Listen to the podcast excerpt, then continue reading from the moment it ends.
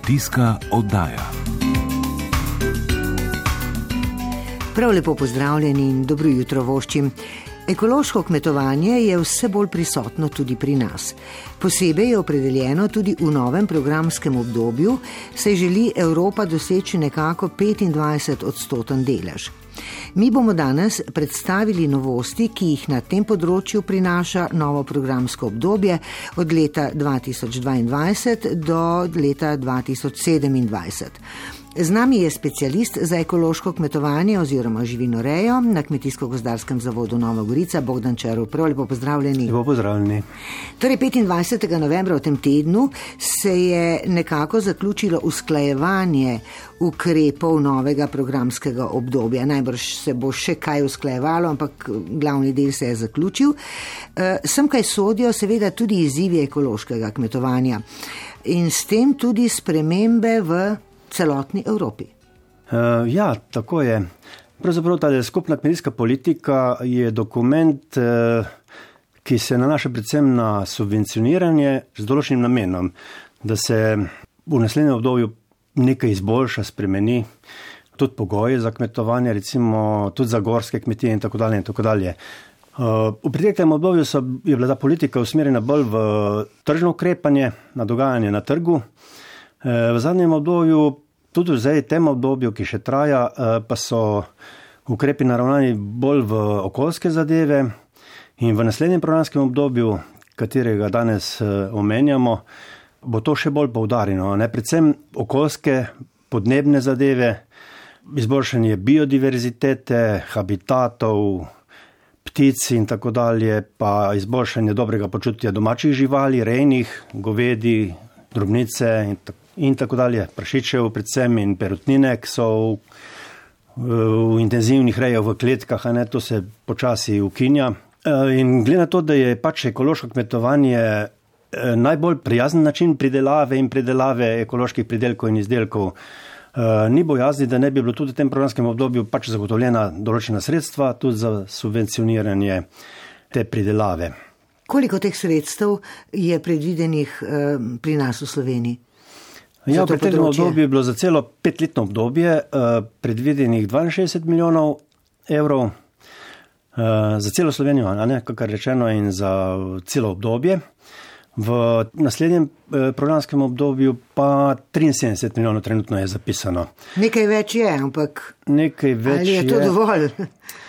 Uh, glede na cilje, ki so zadani v akcijskem načrtu za ekološko kmetovanje, uh, za povečanje teh kme, števila kmetij in površin pod ekološko pridelavo do leta 2030, uh, kjer smo si zdali za cilj uh, 18 uh, kmetij naj bi bilo usmerjenih v ekološko pridelavo, se mi zdi, da s temi sredstvi ne bomo tega dosegli.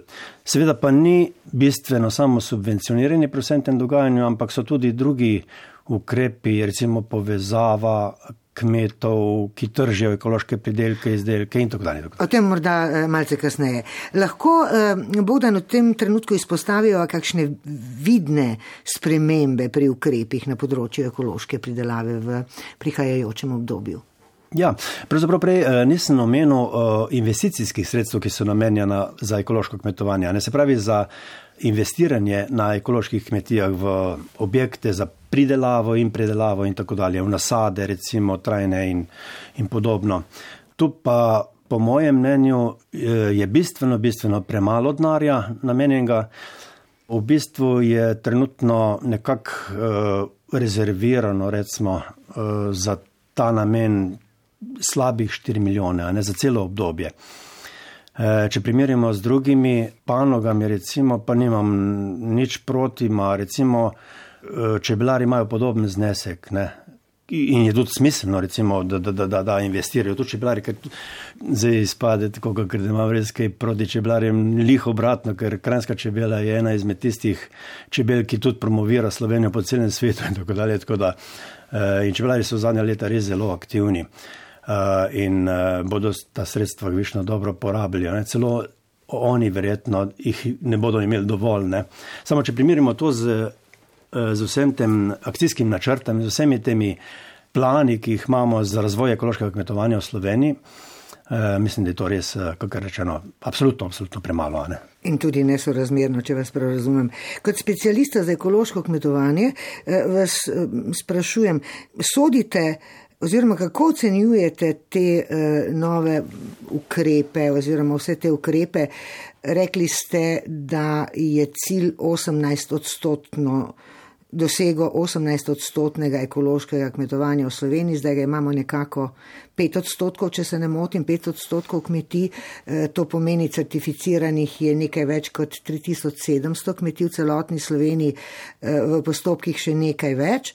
Bojo ja. ti ukrepi dovolj stimulativni, da se bojo kmetje odločali za ekološko kmetovanje in da se bo posledično seveda država dosegla teh željenih 18 odstotkov? Eh, ja, številke, ki ste jih navedli, približno, ja, držijo, tam nekje je. Ja.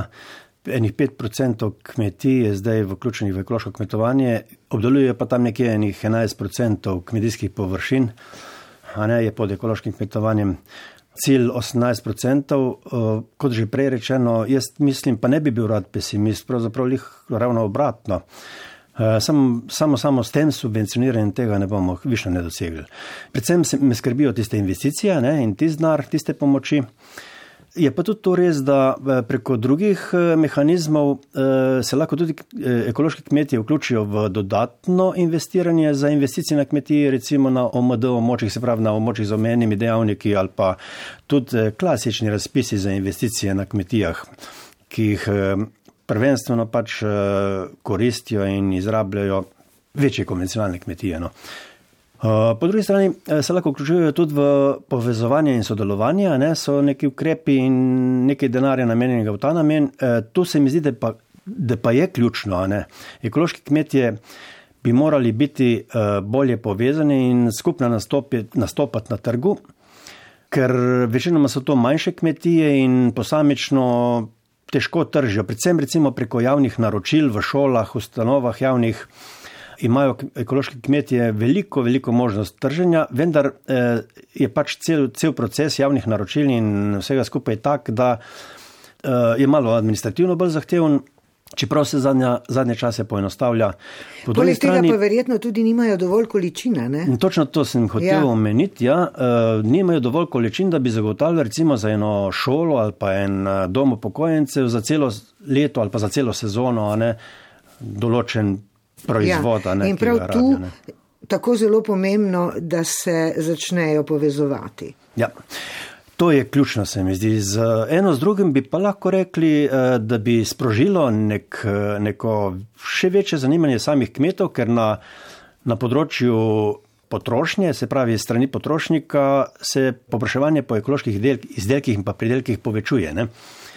Se deloma se tudi eh, število kmetij povečuje. Na primorskem, recimo na našem eh, zavodu, ne, na našem področju, tu od Kopra do Vršiča, eh, se letno prijavi v, na novo v ekološko kontrolo tam nekje od 20 do 30 kmetij. Ne. Ene večje, ene manjše. Kako ocenjujete ta podatek? Je to dober trend? Ja, lahko se pohvalimo primorci, da v okviru Slovenije, da imamo največ ekoloških kmetij, površin sicer malo manj, ma po številu kmetij jih imamo največ. Tudi, kar se tiče novih, eh, je ta trend na, na primorskem eh, bolj izrazit, kot na drugih območjih. Eh, bi vas to vprašala, kako naravnane oziroma usmerjene kmetije, katere se odločajo za ekološko kmetovanje, je mogoče na tem področju reči, ne vem, živinorejske, sadjarske, vinogradniške? Ja, ja večinoma so to kmetije, ki so pove, navezane na, na obdelavo travin in pašnikov. Večinoma so to reci drobnice eh, ali pa reci govedi za pitanje. Manj je mlečne pridelave, manj je tistih kmetij, pač, ki se ukvarjajo z pridelavo mleka. Še manj je tistih kmetij, ki so vinogradniške ali pa usmerjene v neko sadjarstvo. Veliko v zadnjem obdobju je bilo novo vključenih kmetij eh, na Koperskem z olčniki, Eh, pridelava oljk je mogoče malo bolj enostavna, eh, tudi na ta ekološki način, ker v trajnih nasadih je precej teh bolezni in, in teh škodljivcev in vsega tega in je malo težja, težja ta pridelava ekološka, zato ker so pravila kar stroga, ne, to smo že večkrat omenjali, ne prepovedani so uporaba fitofarmacevskih sredstev, eh, gnojenje in tako dalje. Ne, tako da, Večina je to travniških kmetij. Na eni strani so eh, seveda velike prednosti in eh, pravzaprav tudi usmeritev in skoraj da bi lahko rekli edina možnost za prihodnost. Po drugi strani pa velja eh, tudi ugotoviti, da ekološka pridelava je prav zaradi vsega tega nekoliko zahtevnejša. Seveda vi ste specialist in svetovalec za ekološko kmetovanje in bi najbrže svetovali in priporočali kmetijam, da se za to odločijo. Ja, eh, no, pravzaprav zdaj, zdaj mi je padlo na pamet, eh, kaj je večkrat vzrok tudi, da se kmetje ne odločajo za ekološko kmetovanje. Pravzaprav prav ena banalna zadeva, če rečemo tako, administracija, ne? vodenje evidenc in tako dalje. In tako dalje. Jaz apeliram ja, na poslušalce, da naj se ne ustrašijo teh evidenc. Tudi v bodočem programskem obdobju se, se nakazujejo neke nove zadeve, kjer bo lahko za marsikoga mogoče še celo malo bolj zahtevno, ma, ma večinoma za mlade, ki jo vladajo eh, računalnike in to digitalizacijo, eh, bo še bolj enostavno, ne, ker bodo evidence vezane na gerke, ne, ki so že zdaj urisani v, pač v tej bazi, eh, v RKG-ju, registru kmetijskih gospodarstv. Eh, in se bo kar preko računalnika lahko te evidence dokaj enostavno vodilo. Ne. Je pa res, da Pri ekološkem kmetovanju pravzaprav zdaj je prav aktualen, mislim, prav pravi čas, da še tole omenim mogoče. Eh, do novega leta se morajo pač ponovno prijaviti v kontrolo vsi ekološki kmetije in novi, a ne tisti, ki razmišljajo eh, na naše veselje, pravzaprav in veselje tudi potrošnikov, po mojem. Eh, imamo tudi letos že nekje na vidiku nove kmetije, ki se vključujejo, ker so že popraševali in smo jim tudi že svetovali. Eh, tako da uh, pričakujemo neke nove kmetije, se pravi, in ti novi, in uh, že tisti, ki imajo certifikate, se morajo ponovno vsako leto prijaviti v kontrolo. Tako, tako da bodo lahko drugo leto. In to je do konca leta, do 31. decembra je to potrebno storiti, kolikor vem naj se jih čim več za to odloči, ne glede na to, da je morda malce zahtevnejše tudi kar zadeva administracije, ampak zato pa ste na zavodu svetovalci. Vsekakor pomagamo pri teh rečeh, če pride do kešnih zadržkov in zagatja. Bogdan Čaro, najlepša hvala. Hvala vam.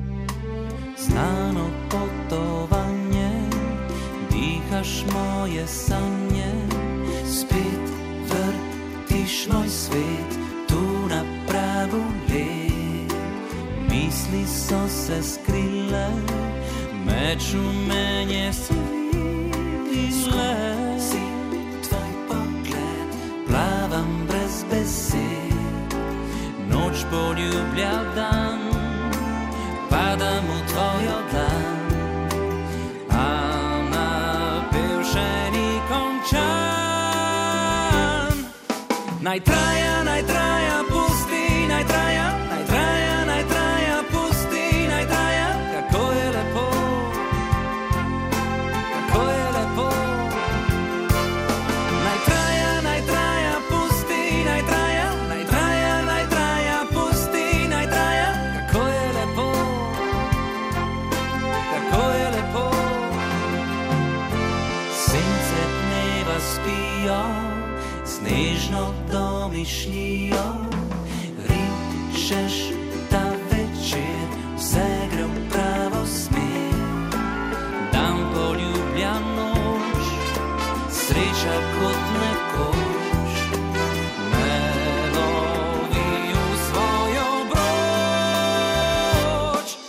Naj traja,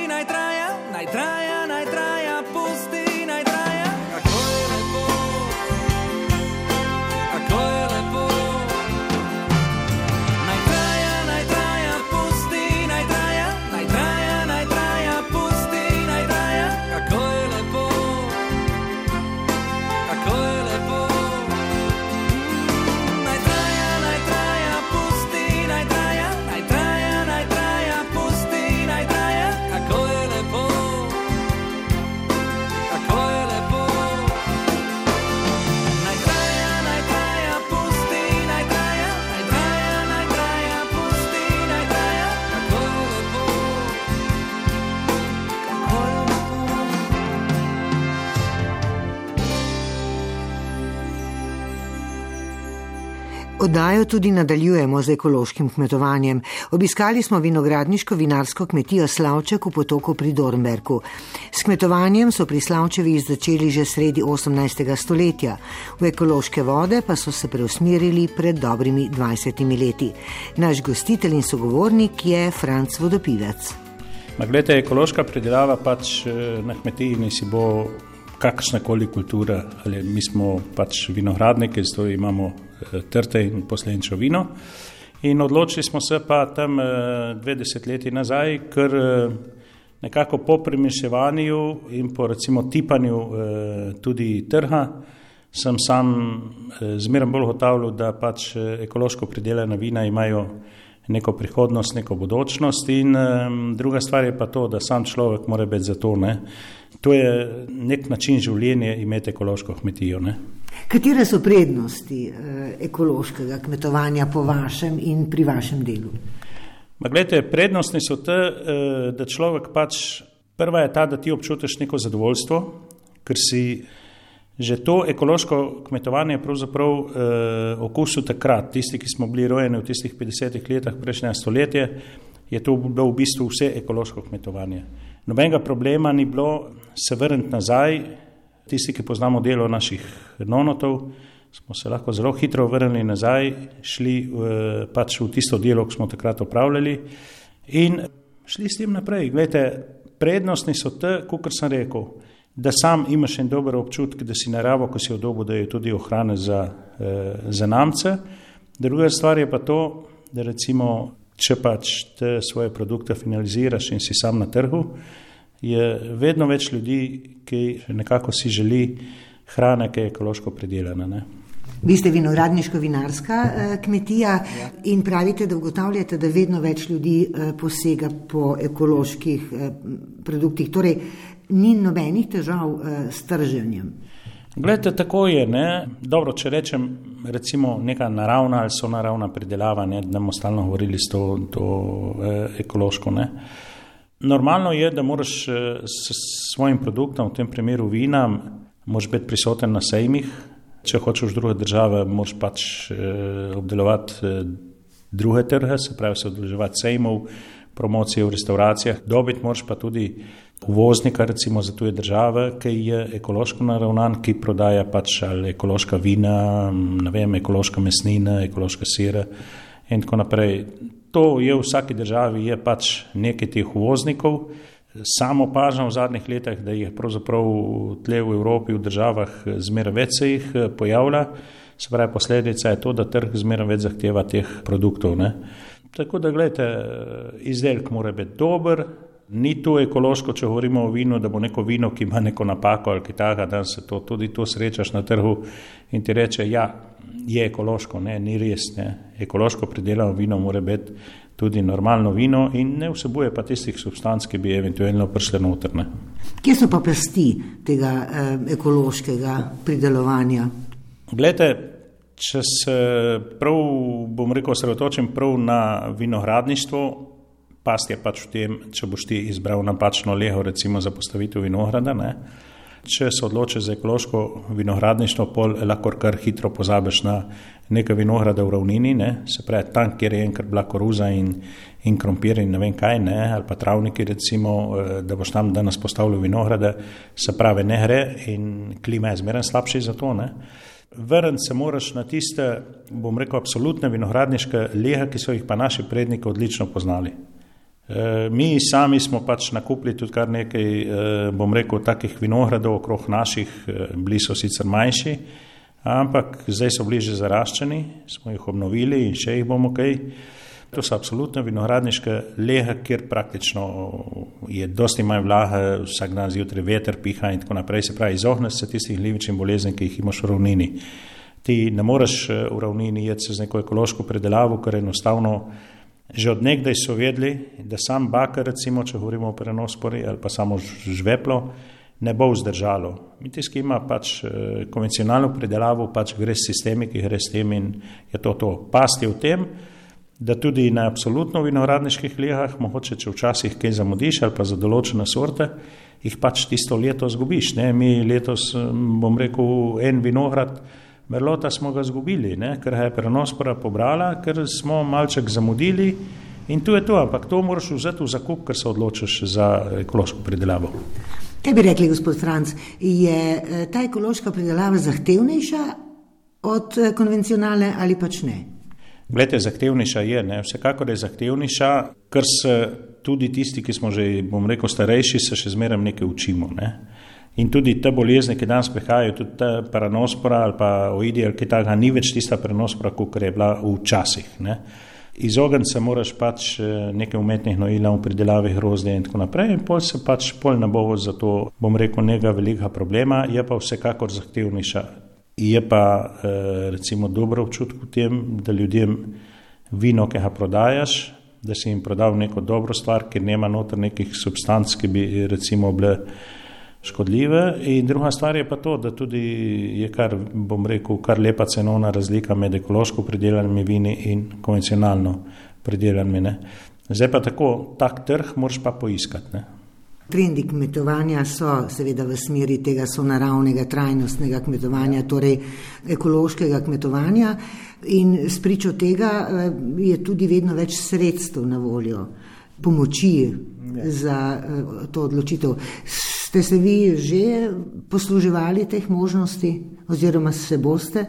Ma ne, gledajte, mi za te eh, normalno, ne, eh, za ekološko predelavo so določene eh, subvencije, ne, ki jih pač od Evropske unije in naša država jih daje, ne, ampak eh, recimo rekel bom to, ne, sama ekološka predelava ti pač daje neko zadovoljstvo in druga stvar je pa, eh, kot sem rekel prej, ne, V ekološki pridelavi bi bili vsi ti hriči, ki jih danes gledamo v Pavski dolini, ki so absolutno vinogradniška lega, bi bili obdelani. Zakaj? Zato, ker cenovno eh, ti to lahko prenese. Konvencionalna pridelava danes, posebno pa nekdo, če samo grozde prideluje ali kaj takega, absolutno ti ne prenese. Druga stvar je pa, recimo danes veste, da je eh, recimo v svetu, eh, ampak ne samo v svetu, tle pri nas in lahko smo ponosni, da je recimo prav ta naš del tle primorska, pa, pa recimo ta slovenski del na italijanski strani, če tako rečem, ne, ponesel ime oranžnega vina po celem svetu. E,